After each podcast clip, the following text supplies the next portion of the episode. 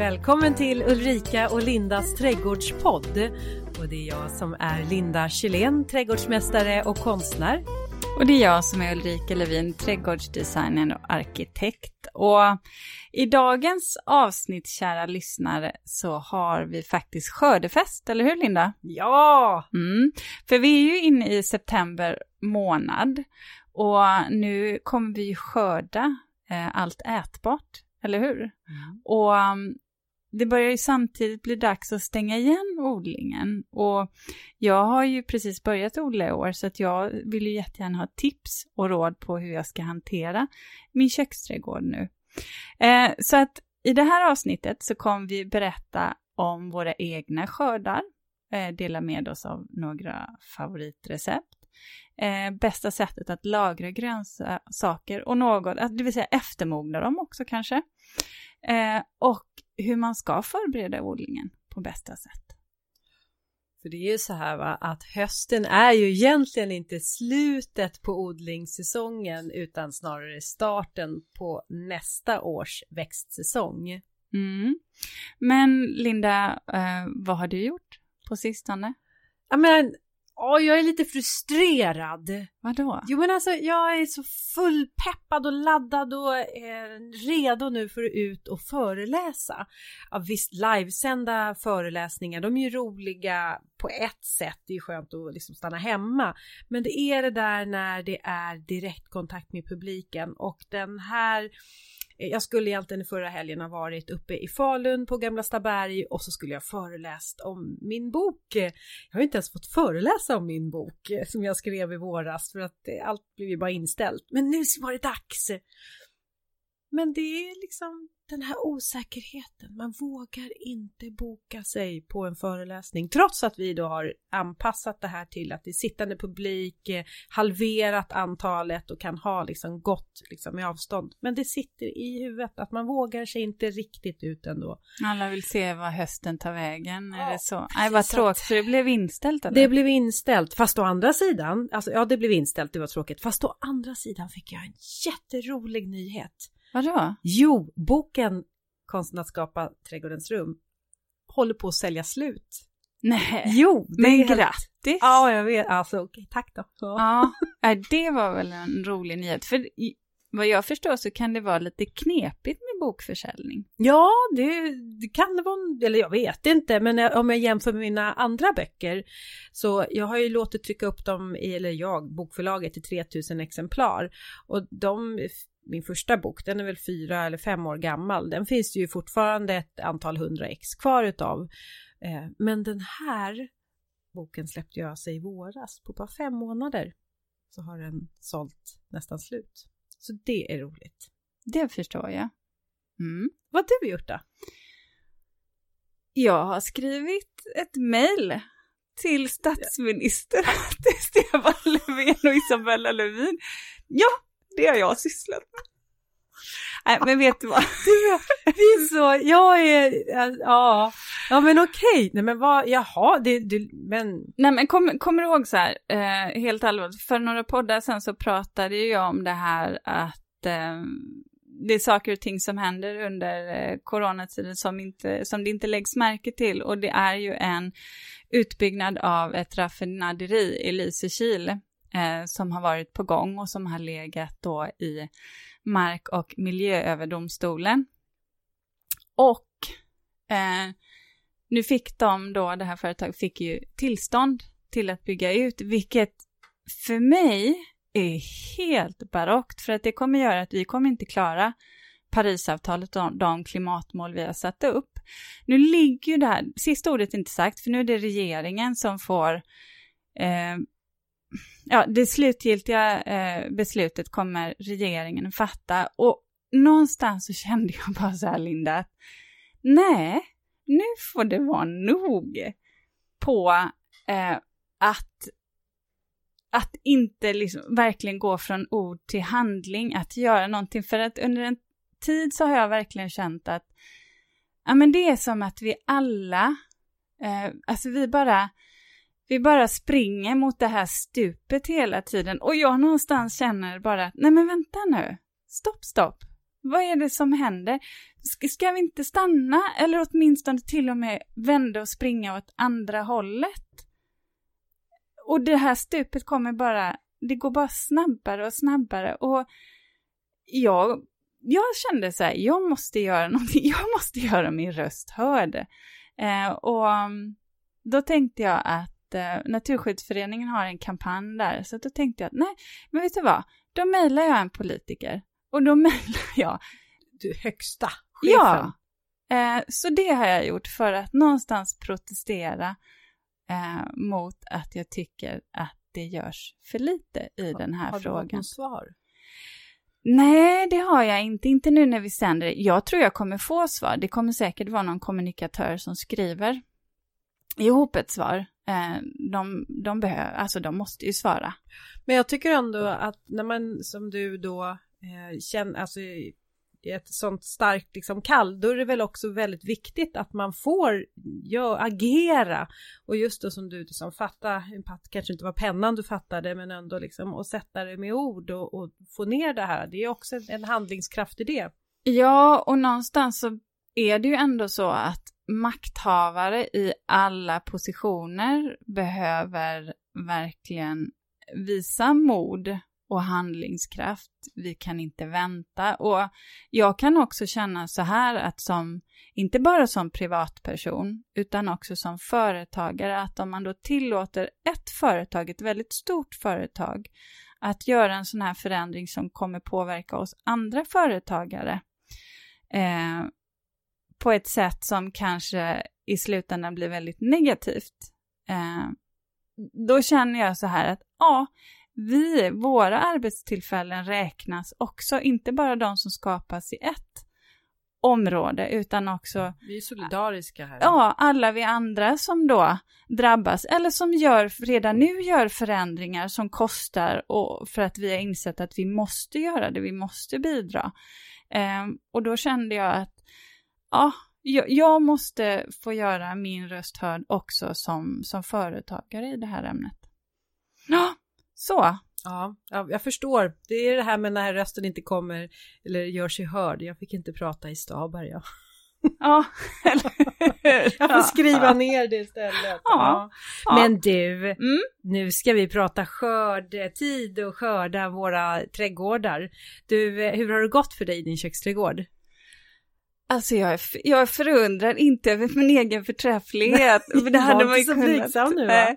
Men du... alltså jag har ju lyckats något kopiöst ja, bra, jag Linda. Men jag har förstått att eh, köksträdgården spelade ett spratt också. Men vadå? Det har jag redan glömt ja, ja, jag fick ett sms av dig här i veckan där du skickade en bild. Men för faktum var att du fyllde ju faktiskt år också i veckan. Ja, just det. Ja, du gör ju mm. sånt, man kan knappt tro det, men Nej, du fyllde eller ju hur? År. Ja, ja. Så. Eh, och då så visade du att din trädgård faktiskt hade gett dig presenter. Ja, mina zucchinis. Ja, nej men alltså grejen är så här, jag vet inte om ni kommer ihåg, men vi hade ett avsnitt som heter nybörjarodling som var ett av de första avsnitten vi sände. Och då berättade jag ju att jag hade sått zucchinifrön och jag hade faktiskt sått ganska många. Vilket gör att jag har skördat eh, kopiösa mängder, eh, alltså chili, eller kilo, Nej. zucchini. Ja, ja.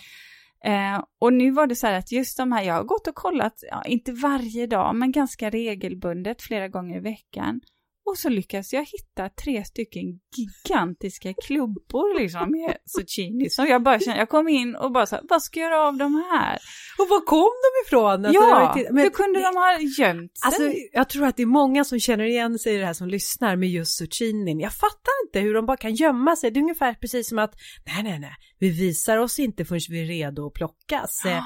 Och ibland så, som du säger, jag vet, min mamma, hon är lite småknasig ibland. Och hon, eh, hon hade också, eller hon har också odlat zucchini. Och hon hade missat att hon hade en zucchini som var, den var säkert 50 centimeter lång. Ja, precis. ja, det, det, är knappt som man orkar bära ja. in dem till slut. Nej, nej, alltså, hon ju... konkade ja. inne, hon ropade på hjälp, Linda. Ja, men vet du vad, då gjorde faktiskt min man en jättegod zucchini-lasagne igår. Eh, som var helt fantastisk. Så att, eh, ja, jag har lärt mig eh, att laga många maträtter på zucchini, det kan jag säga.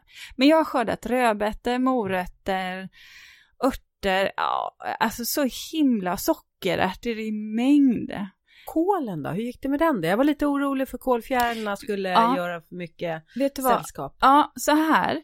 Eh, jag beslöt mig faktiskt efter du hade, efter vårt avsnitt där, så bestämde jag mig för att jag, jag struntar i kolen i år. Jag tyckte det kändes mäckigt när mm. du började beskriva hur man skulle hantera det. Men nästa år kommer jag göra det. Men det roligaste som jag måste säga, det var, det var faktiskt att min mamma skickade ett sms till mig och säger det här, eh, nej, vi pratade på telefon och så säger hon så här, det här med kol, ja men kolen, du vet, nu, nu är det något som äter på dem. Och då kunde jag säga, men mamma, vet du vad, nu är det augusti, då lägger kolfjärilen nya larver va? Eller ägglarver. Ja, precis, ägg som, och larver ja. som kläcks. Ja. ja. Så att vet du, i augusti. Andra generationen. Ja, andra generationen så och då ska man sätta på ett kolnät, förstår du? Och sen, men sen, vad sa du, slutet på september någonting, då kan man plocka bort dem där igen. Och jag tycker, åh, du, du, vet, jaha, jo, för så, så är det faktiskt. Nu du kommer du vara lite av hennes växtguru. Nej, äh, det tror jag inte, men grejen var det att eh, faktiskt när jag var ute och sprang så tänkte jag på det, för jag springer ju förbi koloniträdgårdar och precis som du sa, vid den här tidpunkten så har faktiskt de kolnät över sina kolplanter. Det är bara det att jag har aldrig reflekterat över det. Och när jag springer där på, du vet, senhösten, vintern, det är klart, då, då är de ju bara, det är ju därför jag imponerats av den här fantastiska kolen. Ja. Så att, ja. Du har öppnat upp ögonen för dig ja. Eh, med skydda och det är två generationer utav larver. Håller man bara koll på när de kläcks, då klarar man sig. Precis. Men du, hur har det gått med din odling? Jo, men alltså det, det har gått bra. Nu odlar jag i växthuset och jag odlar ju, har man växthus då det är som ett likhetstecken med tomater. Så att jag odlar ju tomater och de börjar ju nu att mogna på sig och de, alltså de smakar ju inte som tomater när de odlas i ett växthus för de är så söta. Alltså det är ju, det är ju mera, eh, till och med om man kallar det för en fruktgrönsak va. Mm. Är det. Och det är ju verkligen, man förstår att de har det namnet för det är en sån sötma i de här tomaterna. Så tomaterna och de, eh, de ger mycket skörd och sen så har jag, ja såklart lite chili som jag också har börjat att skörda. Och frilansgurkan, alltså den är helt tokig. Den klättrar överallt. Nu senast så hängde det en liten gurka rakt ner över mitt staffli. Så jag stod och målade och var lite irriterad på den här gurkan så jag fick liksom vifta bort den och till slut fick jag ta sekatören och skörda. Eh, så frilansgurkan Oh, den ger mycket skörd. Och squashen också. Men den frilansgurkan, är det någonting som man är det något som man äter färskt eller? Ja, men du äter den färsk, men mm. du inte, eh, du äter inte skalet skulle jag säga, för det är sådär eh, väldigt taggigt och hårt, så att man får skala den gör man. Mm. Men den, eh, den är, åh, den passar lika bra att odla i ett växthus som just ute på friland. Mm. Och den är, men de är, och de är också, de är precis som zucchinierna, zucchinisarna, de gömmer sig man mm. hittar dem. Och sen odlar jag faktiskt meloner. Va? Ja. Nej men vadå? vadå? Alltså en typ av nätmelon ja. eller? Men söta? Ja. Nej. Ja fast det, har, det, det är än så länge mest blommor då. Okay, men de är då? på gång, de är på gång, alltså ja. de har blommat och nu börjar jag se att nu kommer frukter, gör det. Men kommer det... de hinna mogna?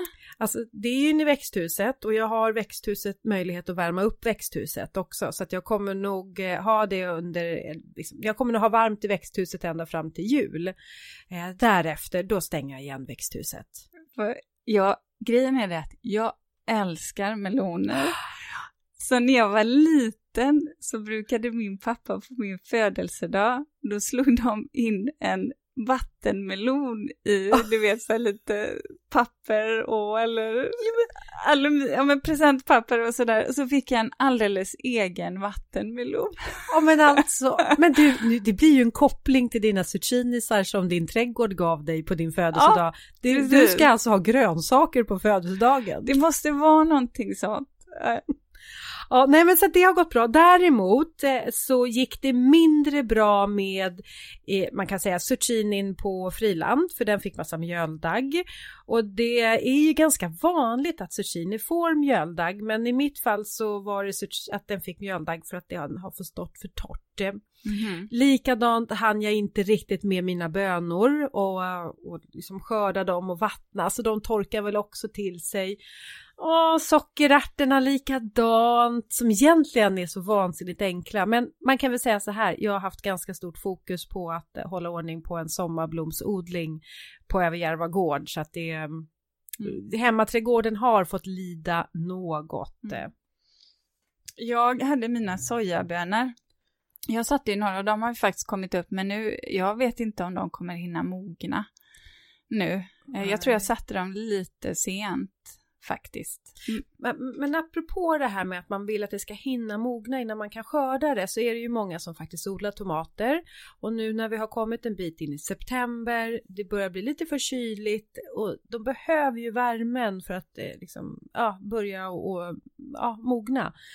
Eh, då finns det faktiskt ett knep och det är, man kan ju börja med att ta in plantorna och så ställer de lite svalt, eh, alltså i något uthus i söderfönstret där kanske. Gäststugan, det är slut på sommargästerna nu så att in i gäststugan i söderfönstret.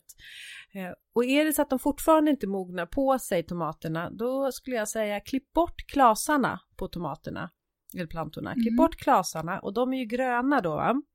Då tar man en papperspåse och så lägger man in klasen i, potat eller papperspåsen. Alltså ni vet, du vet sådana här eh, som man har kompostpåsarna. Ja. Mm. Och sen tillsammans med tomaten så också lägger man, kastar man in ett äpple. Och äpplet ska ju vara ett av de där äpplena som har dunsat i backen så att skalet har gått sönder så att den har börjat och liksom eh, förmultna liksom. Ja. Eh, för då släpper den ifrån sig den här etylengasen. Och det kommer stimulera då tomaterna att börja mogna. De kommer ju inte växa mer, men de kommer övergå och rodna eller bli gula, den färgen de ska ha, och mogna. Mm, precis. För, det, för, för det är många som är så här, vi klipper av hela skälkarna och hänger upp dem i fönstret så mognar de. Fast det är ingen mening med att hänga upp dem där ljus, därför att det är ju inte egentligen tomaterna som eh, behöver, ja, tomaterna behöver ljuset så länge de sitter på plantan. Men om man nu har knipsat av plantan ifrån moderplantan, då, då, då finns det liksom ingen näring kvar på skälken till tomaterna. Och då behöver ju inte heller den här avknipsade skälken ha något solljus därför att den är ju liksom kapad, den kommer ju bara dö. Och det är därför, lägg dem i eh, lite papperspåse, lite mörkt. Mm. Äppelskrutt. Ja. Men eh, nu då, eh, när jag har skördat och fixat allting. Eh, jag, nu är det ju så här att eh, jag har ju faktiskt också, jag har ju skördat eh, och tagit vara på grejerna, men jag har ju också, jag passade faktiskt på så lite nytt här i augusti. Ja, vad gjorde du då? då? Vad sa du?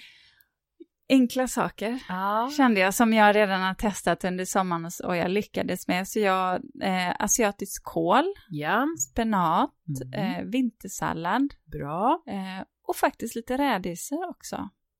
Eh, så, så det tänkte jag, för det känner det är sånt där som kommer ganska snabbt upp också, så jag har faktiskt lagt dem under en fiberduk nu så det blir lite varmare. Mycket bra. Du kan lägga också två lager fiberduk så att det, ah. du får det lite ännu varmare om det blir kallare sådär. Så att det kan man också tänka på att det är ju fler lager fiberduk desto varmare blir det där under.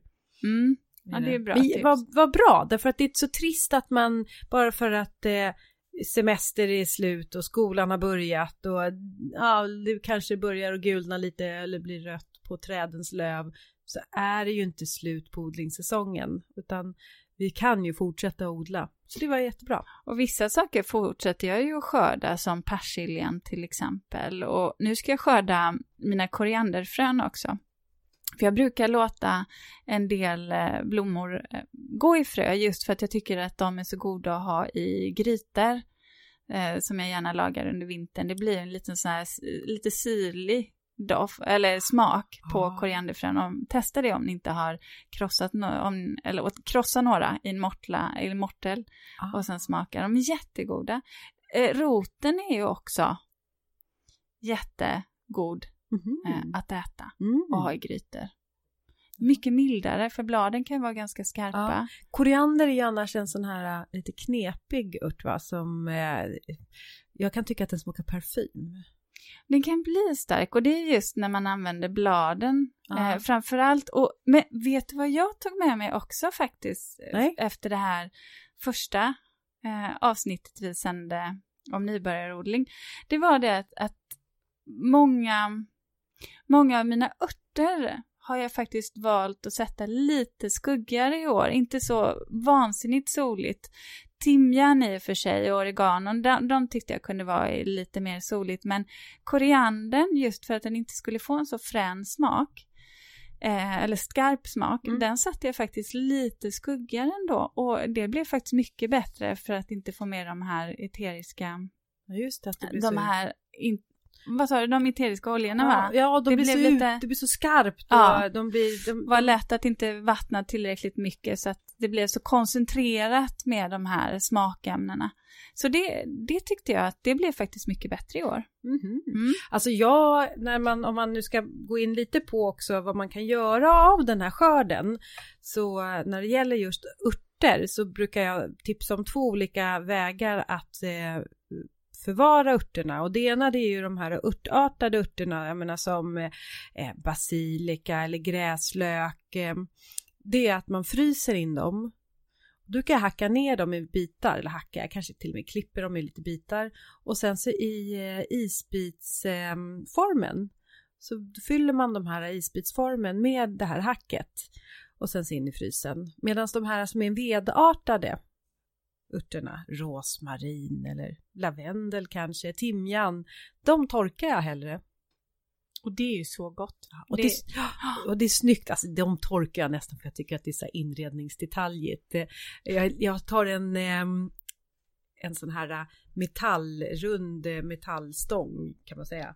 Och sen så tar jag och hänger de här örterna över och sen så över våran zink i köket.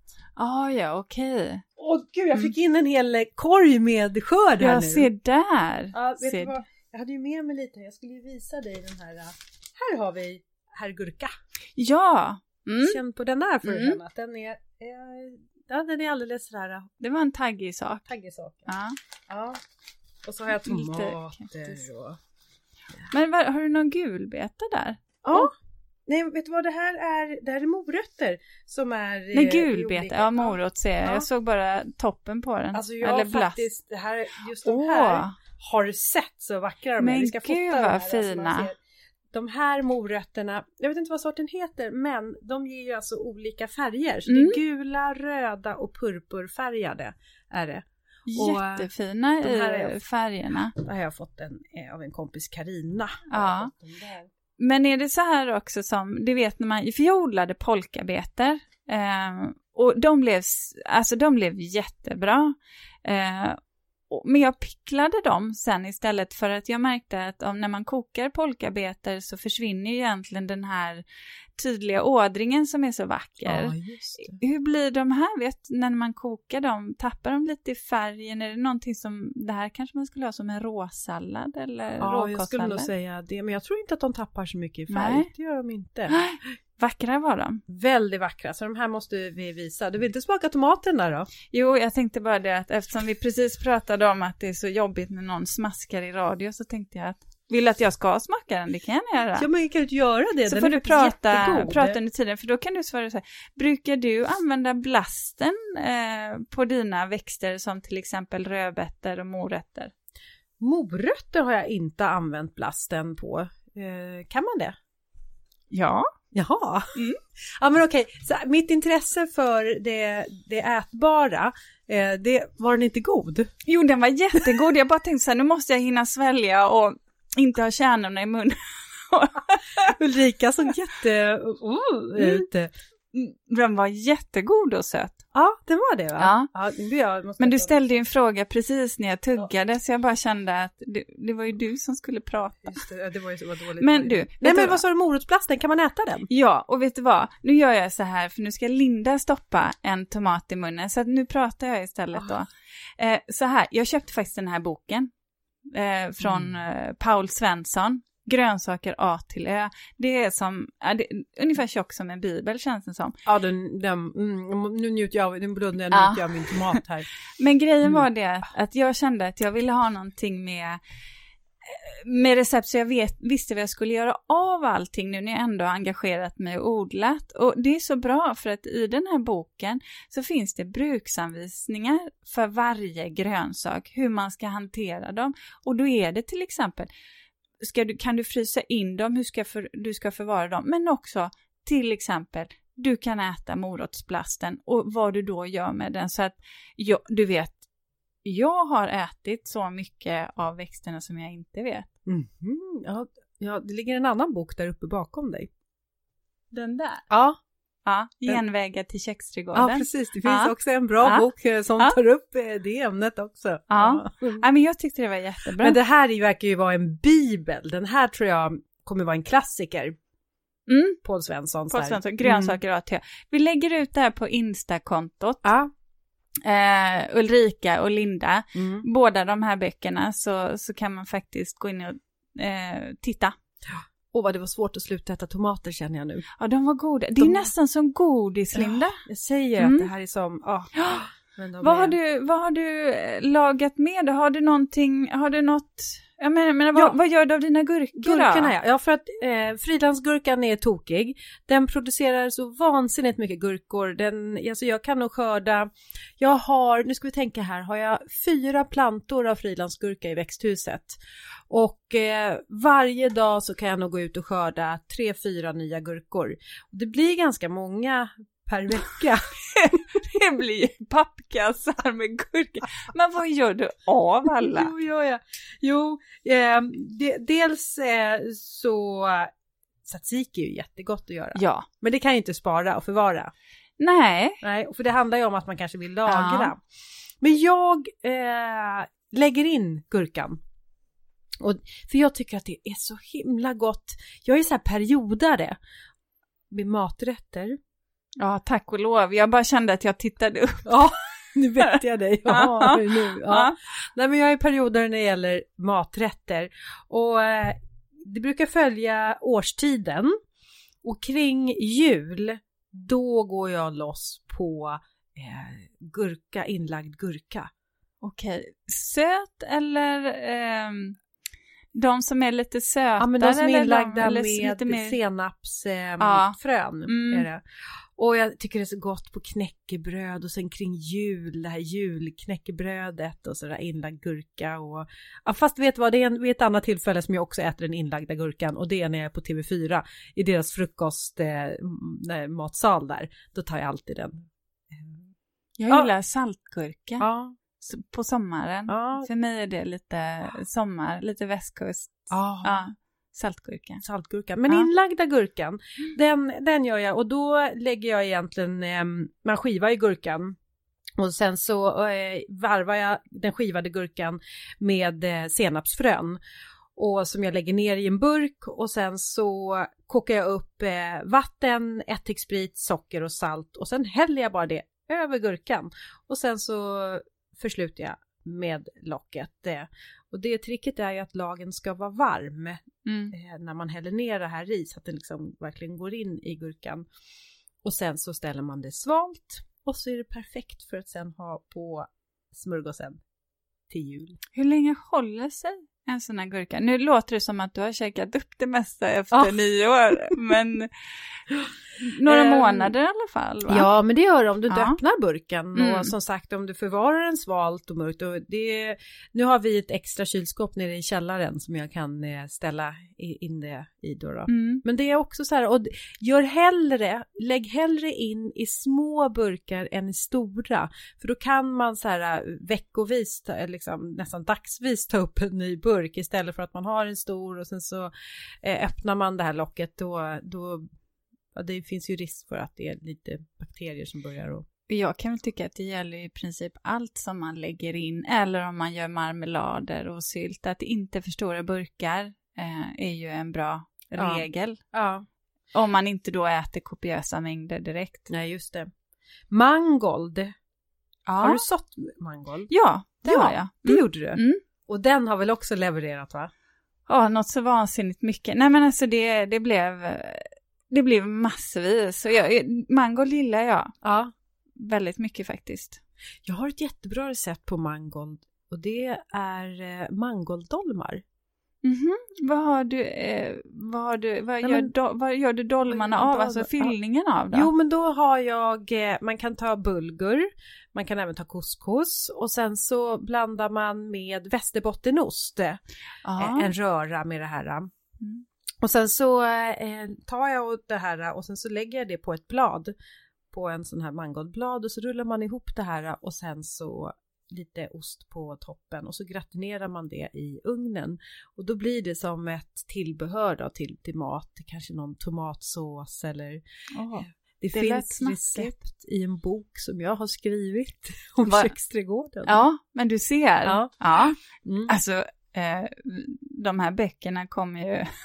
Oj, oj, oj. Ja. Men, den, men den, Och- det är faktiskt jättegott. Annars så kan man ju faktiskt också, precis eh, som med spenat, att man fryser in eh, eh, mangold och, och förvarar då i frysen. Mm.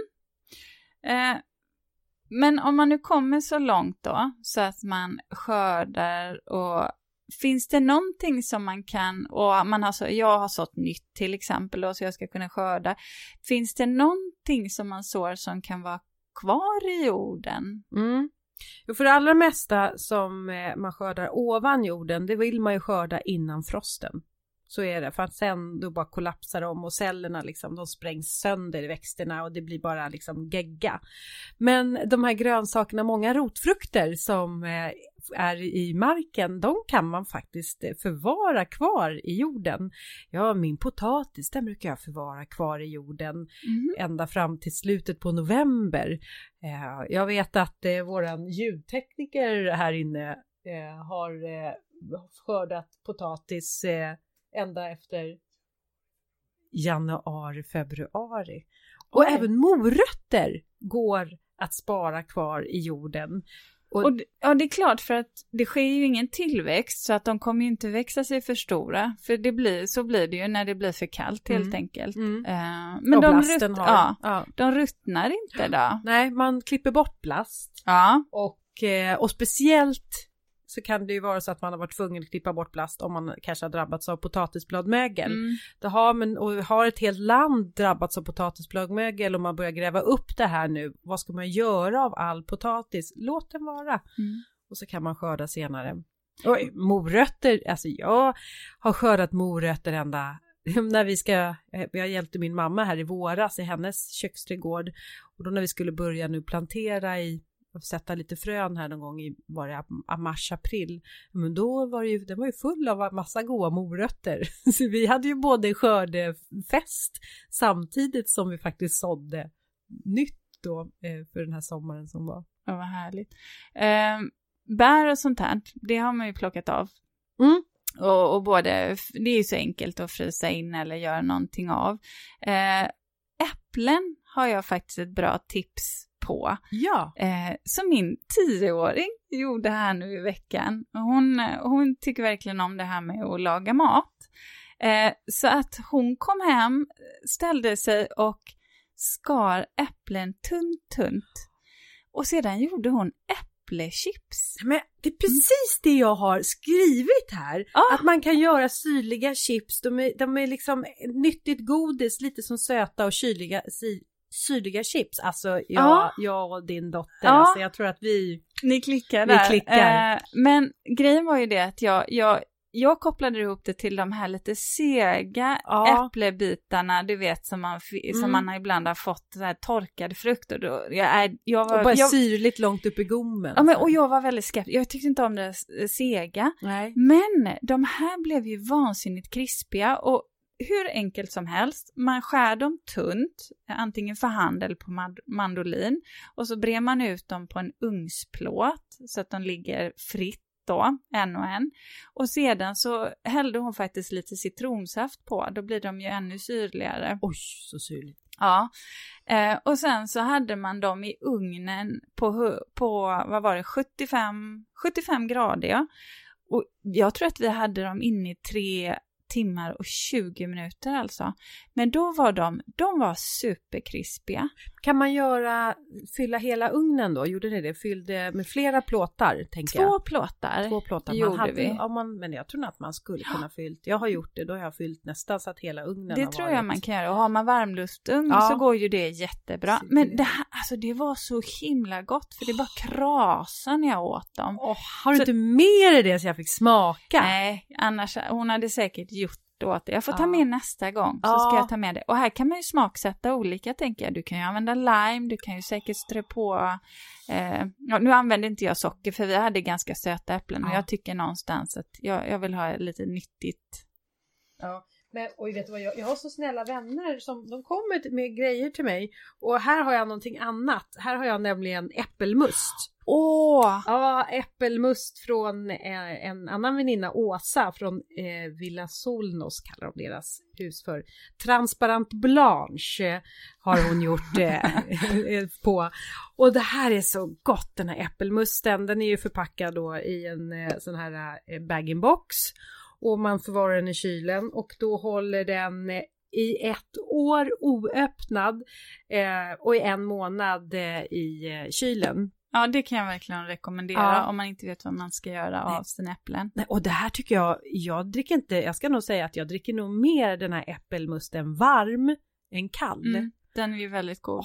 Med kanelstång där i och... När man har varit ute och gått då, eller du vet ute och vandrar och sådär, då tycker jag det också. Det är supergott att ha med sig Mm. och i termosen. Ja, Men du, eh, då måste jag fråga.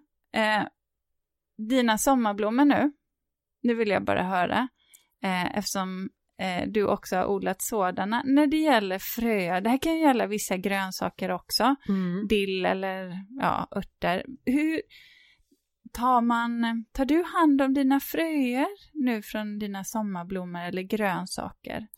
ja, vissa tar jag hand om och andra behöver jag knappt ta hand om därför att de frösår sig själv. Alltså ringblommor är ju helt galna, de, de bara liksom fröar av sig och daggkåpan nu det är en frän som jag har hemma men den klipper jag innan den går upp i frö för annars så har jag den överallt Det måste också. man. Ja. Men annars så tycker jag ju att det här att ta egna fröer, det, det, känns, det känns väldigt genuint och väldigt också att just använda sig, återanvända eh, det som man har haft i sin trädgård och inte bara liksom kommers, köpa, köpa utan och det här med fröer, ja men det är faktiskt ganska fint. Och faktum är, jag har ju min historia eh, för hon gamla damen som bodde i vårat hus innan. Hon hade ju samlat fröer på hösten för att så på våren. Men livet tog en annan vändning. Eh, och hennes, alltså hon dog ju med krattan i handen ute i trädgården. Och då hittade jag de här fröerna som jag sådde.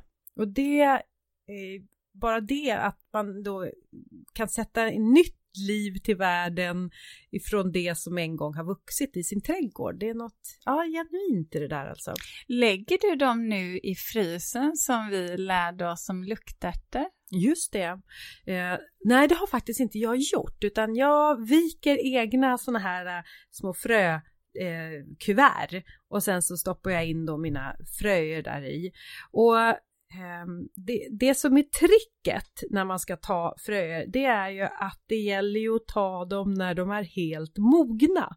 Och det här är inte alltid lätt, därför att om du tar ett frö innan det har mognat, då är det noll i princip noll grobarhet på det här. Och det här kan skilja sig bara ett par dagar ifrån noll, alltså ingen eller låg grobarhet till grobarhet. Och för att veta när de verkligen börjar bli dags, ofta så brukar det vara då så att eh, om det är fröställningen då, att den börjar att öppna sig lite. Och sen så börjar de här fröerna, de börjar att- att få, oftast blir det en mörkbrun ton, nästan svart färg, då vet man att nu är det dags. Och är man inte hemma vid det tillfället, då kan man ta en liten, antingen en fiberduk eller en tygbit och sen så kan man fästa det runt den här blomman som man vill ta eh, sin, sitt frö ifrån. För då när den eh, kanske skickar ut de här fröerna, ja men då fångar man ju dem i den här eh, lilla duken. Det var ju ett jättesmart tips, Ja, faktiskt. ja, det är Ehm, bra. men du, eh, du som trädgårdsmästare, om, nu känner jag att nu har jag kommit över det här nybörjarstadiet. Eh, och jag kommer fortsätta odla nästa år. Vad ska jag göra nu när jag stänger mm. grönsaksodlingen? Mm. Jo, men jag skulle ju i min trädgård, jag, jag stänger inte ner den på hösten på det sättet att jag bara städar rent överallt, utan det finns en poäng i att låta årets grönsaker och, och liksom växtligheten får vissna ner på plats. Eh, en anledning är ju att det blir en, eh, det täcker jorden och då minimerar man också, alltså dels då att det blir en erodering på jorden, en sån liksom hård jordyta, men också såklart att näringsämnen och kväve liksom stiger. Men så att jag brukar ofta låta det här ligga kvar och sen så är det ju så här, har du odlat baljväxter, sockerärtor och bönor, ja men då bör du va, låta det här vara kvar för det är ju kvävefixerande växter. Så när de då eh, avmognar och Eh, dör, ja men då kommer ju det här kvävet, det stannar ju kvar i jorden så att det här blir ju en återgödslande ehm, eh, växt. Så att därför så tycker jag låt det här vara kvar om det inte är så att du har blivit drabbad av någon växtsjukdom, ett virus eller alltså du har haft eh, sjukdomar, då är det läge att rensa. Mjöldagg, alltså ser du det som en sjukdom? Nej. Eller det är väl snarare bara att, ja. att det är för lite vatten för och lite vatten för och också sortspecifikt brukar mm. det vara. Mm. Jag förstår. Mm. Så att egentligen så som svar på din fråga, låt det vara. Mm. Eh, tycker man att det ser lite sådär ut, ja men ta gräsklipp och täck över ytan. Eller lägg på halm över. Så även mina gigantiska zucchiniplantor kan jag bara låta ja, vara kvar? Ja, då, det kan Vad skönt! Ja, men eller hur! Så här det var en grej mindre som jag behövde göra. Ja. det var ju jättebra. Men vet du vad, jag var inte riktigt klar ändå med det här med fröer. Nej, Nej, då, då fortsätter vi, vi fortsätta? med det. Ja, mm. jag vill bara säga några till saker och det är ju så här att om man ska ta fröer så är det ju viktigt att man eh, eh, låter fröerna torka ordentligt, speciellt om du tar fröer till exempel från tomater eller från frukter där det här fröet är blött. Eh, låt det ligga och torka något dygn eller två på papper så att det är torrt innan du då lägger det till förvaring. Och sen är det så också när man ska plocka de här fröerna ifrån, om det är nu sommarblommorna, gör inte det en dag när det har regnat, för då är de också så blöta, utan gör det en dag när solen har liksom skinit den här glada höstdagen. Då är när det är torrt, då tar man och skördar sina fröer. Men då ska man ju också veta att eh, det finns ju olika typer utav eh, eh, sorters blommor och även tomater och det finns de här som heter F1 eh, hybrider eller F1 eh, fröer. Och de allra flesta eh, blommor och tom, alltså tomater också, men de allra flesta blommor de är ju alltså de härstammar ju från två föräldrar av en och samma sort.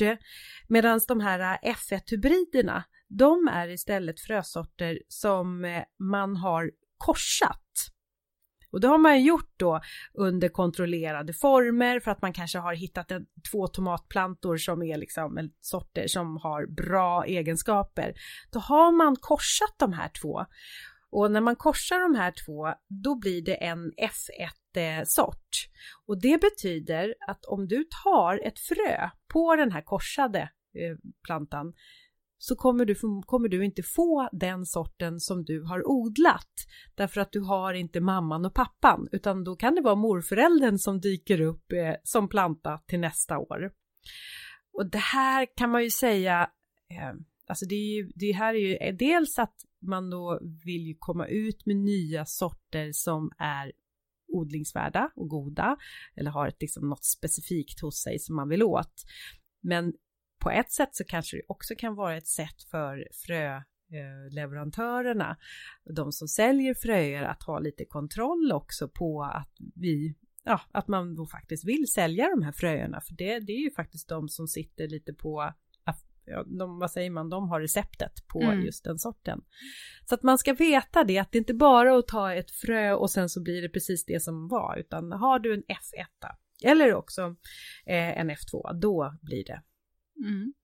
Är, det, är det någonting mer, Linda, som, som du känner att du vill täcka in här nu med Ja, jag har ju så mycket jag vill prata om hela Ja, tiden. Så, så här är det varje gång vi poddar, fast vi tycker att vi, vi, vi inser bara att vi hinner inte täcka allt vi vill i alla fall. Nej. Det finns så mycket att, att prata om. Men jag har ju min, jag har ju mina pumpor. Men de Ja. har jag berättat om va? Att jag sådde pumporna på eh, komposten ju. Och för det Ja. gör jag varje år. Och eh, även i år har jag sått det på komposten. Men den här säsongen har ju varit ganska tuff för oss som odlar. Den har ju, alltså först var det en väldigt kall säsong och sen så blev det ju Eh, nästan ingen nederbörd, inget vatten, alltså det regnar knappt någonting. Och om det regnar så har det blåst. Och blåsten gör ju att det torkar ut. Det, så att det är ju i år har också även mina pumpor drabbats av mjöldagg. Ja, du ser. Och du vet, det är så roligt för jag sitter, jag sitter och fnissar lite. Ja, det du räknar upp nu har inte jag märkt av alls. Dels för att jag sådde ganska sent och dels för att jag åkte bort i hela juli så att det var mina, mina barn som skötte om mina planter. Och sen, nej vet du vad, jag tycker det har varit ett sjukt bra odlingsår i år. Så kan jag säga för mig.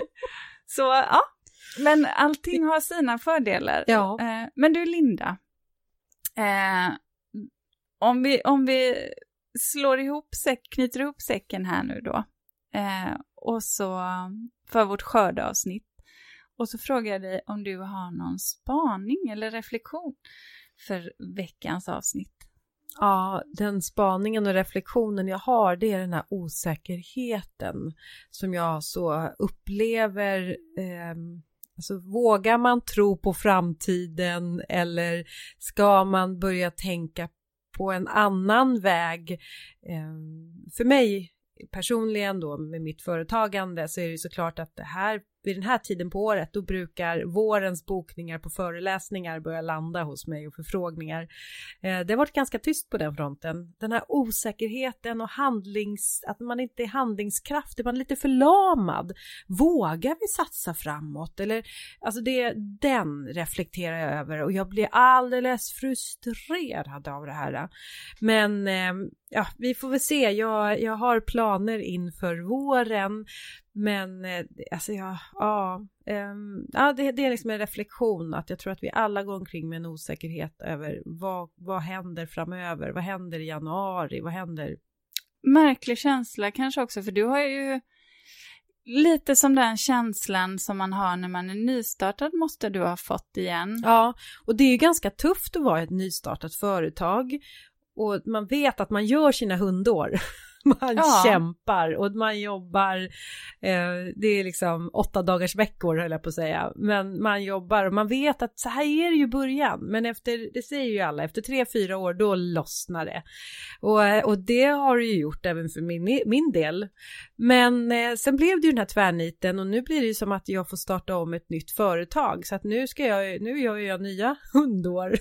Så att det är ju, ja. Ja, för det är ju ett beteende som har ändrats, ändrats hos oss alla som privatperson och som företagare. Mm. Eh, beroende lite på i vilken bransch man är verksam naturligtvis. Så att, ja, Ja, det är en, ja, annorlunda, en helt klart. annorlunda, ja. Mm. Men som sagt, eh, jag är ju inte den som eh, eh, blir deppig för det, utan jag, eh, jag är ju sån, annars skulle jag aldrig suttit här och, och haft det här företaget. Jag är ju en entreprenör och har hur mycket idéer som helst. Det, det är väl bara det att jag kanske har för många idéer. Ehm, Vad har du för reflektion? Åh, jag vet inte hur jag ska säga det. Nej men vadå? Vad menar du? Alltså, grejen är Linda, att jag tror att jag kan ha gjort oss båda en björntjänst. Förlåt, jag ska inte börja skratta, men jag har faktiskt lite, lite Nu- ångest för det här. nu blir jag eh. Nej, men grej, grejen är det att eh, till nästa avsnitt, och, nu, nu avslöjar jag vad vi ska prata om i nästa avsnitt, Linda. Ja, jag Det kommer inte ihåg någonting. Nej, det är nämligen så här att eh, vi kommer prata utegym i trädgården. Det är ju någonting som jag också ritar Och nej, nu fick en jag av. jobbig känsla i magen. Eh, ha kvar den, för den kommer bli djupare. Men alltså Eh, jag, jag har inte ens en gympaskor. men det, ridhjälm. det har jag. Jag har sjukt mycket gympakläder. Så det, Får man men, vara klädd i ridhjälm och ridbyxor? Eh, det, jag kan säga så här, jag tror det kommer vara väldigt opraktiskt Linda. Men grejen är så här. Vet, släpp det nu. Ja, så här. Eh, vi kommer nämligen ha en PT med oss, eh, en personlig tränare, eh, inför det här, som gäst i det här programmet. Ehm, och jag, jag vet ju vem han är, jag har ju varit inne på hans Insta-konto också och kollat.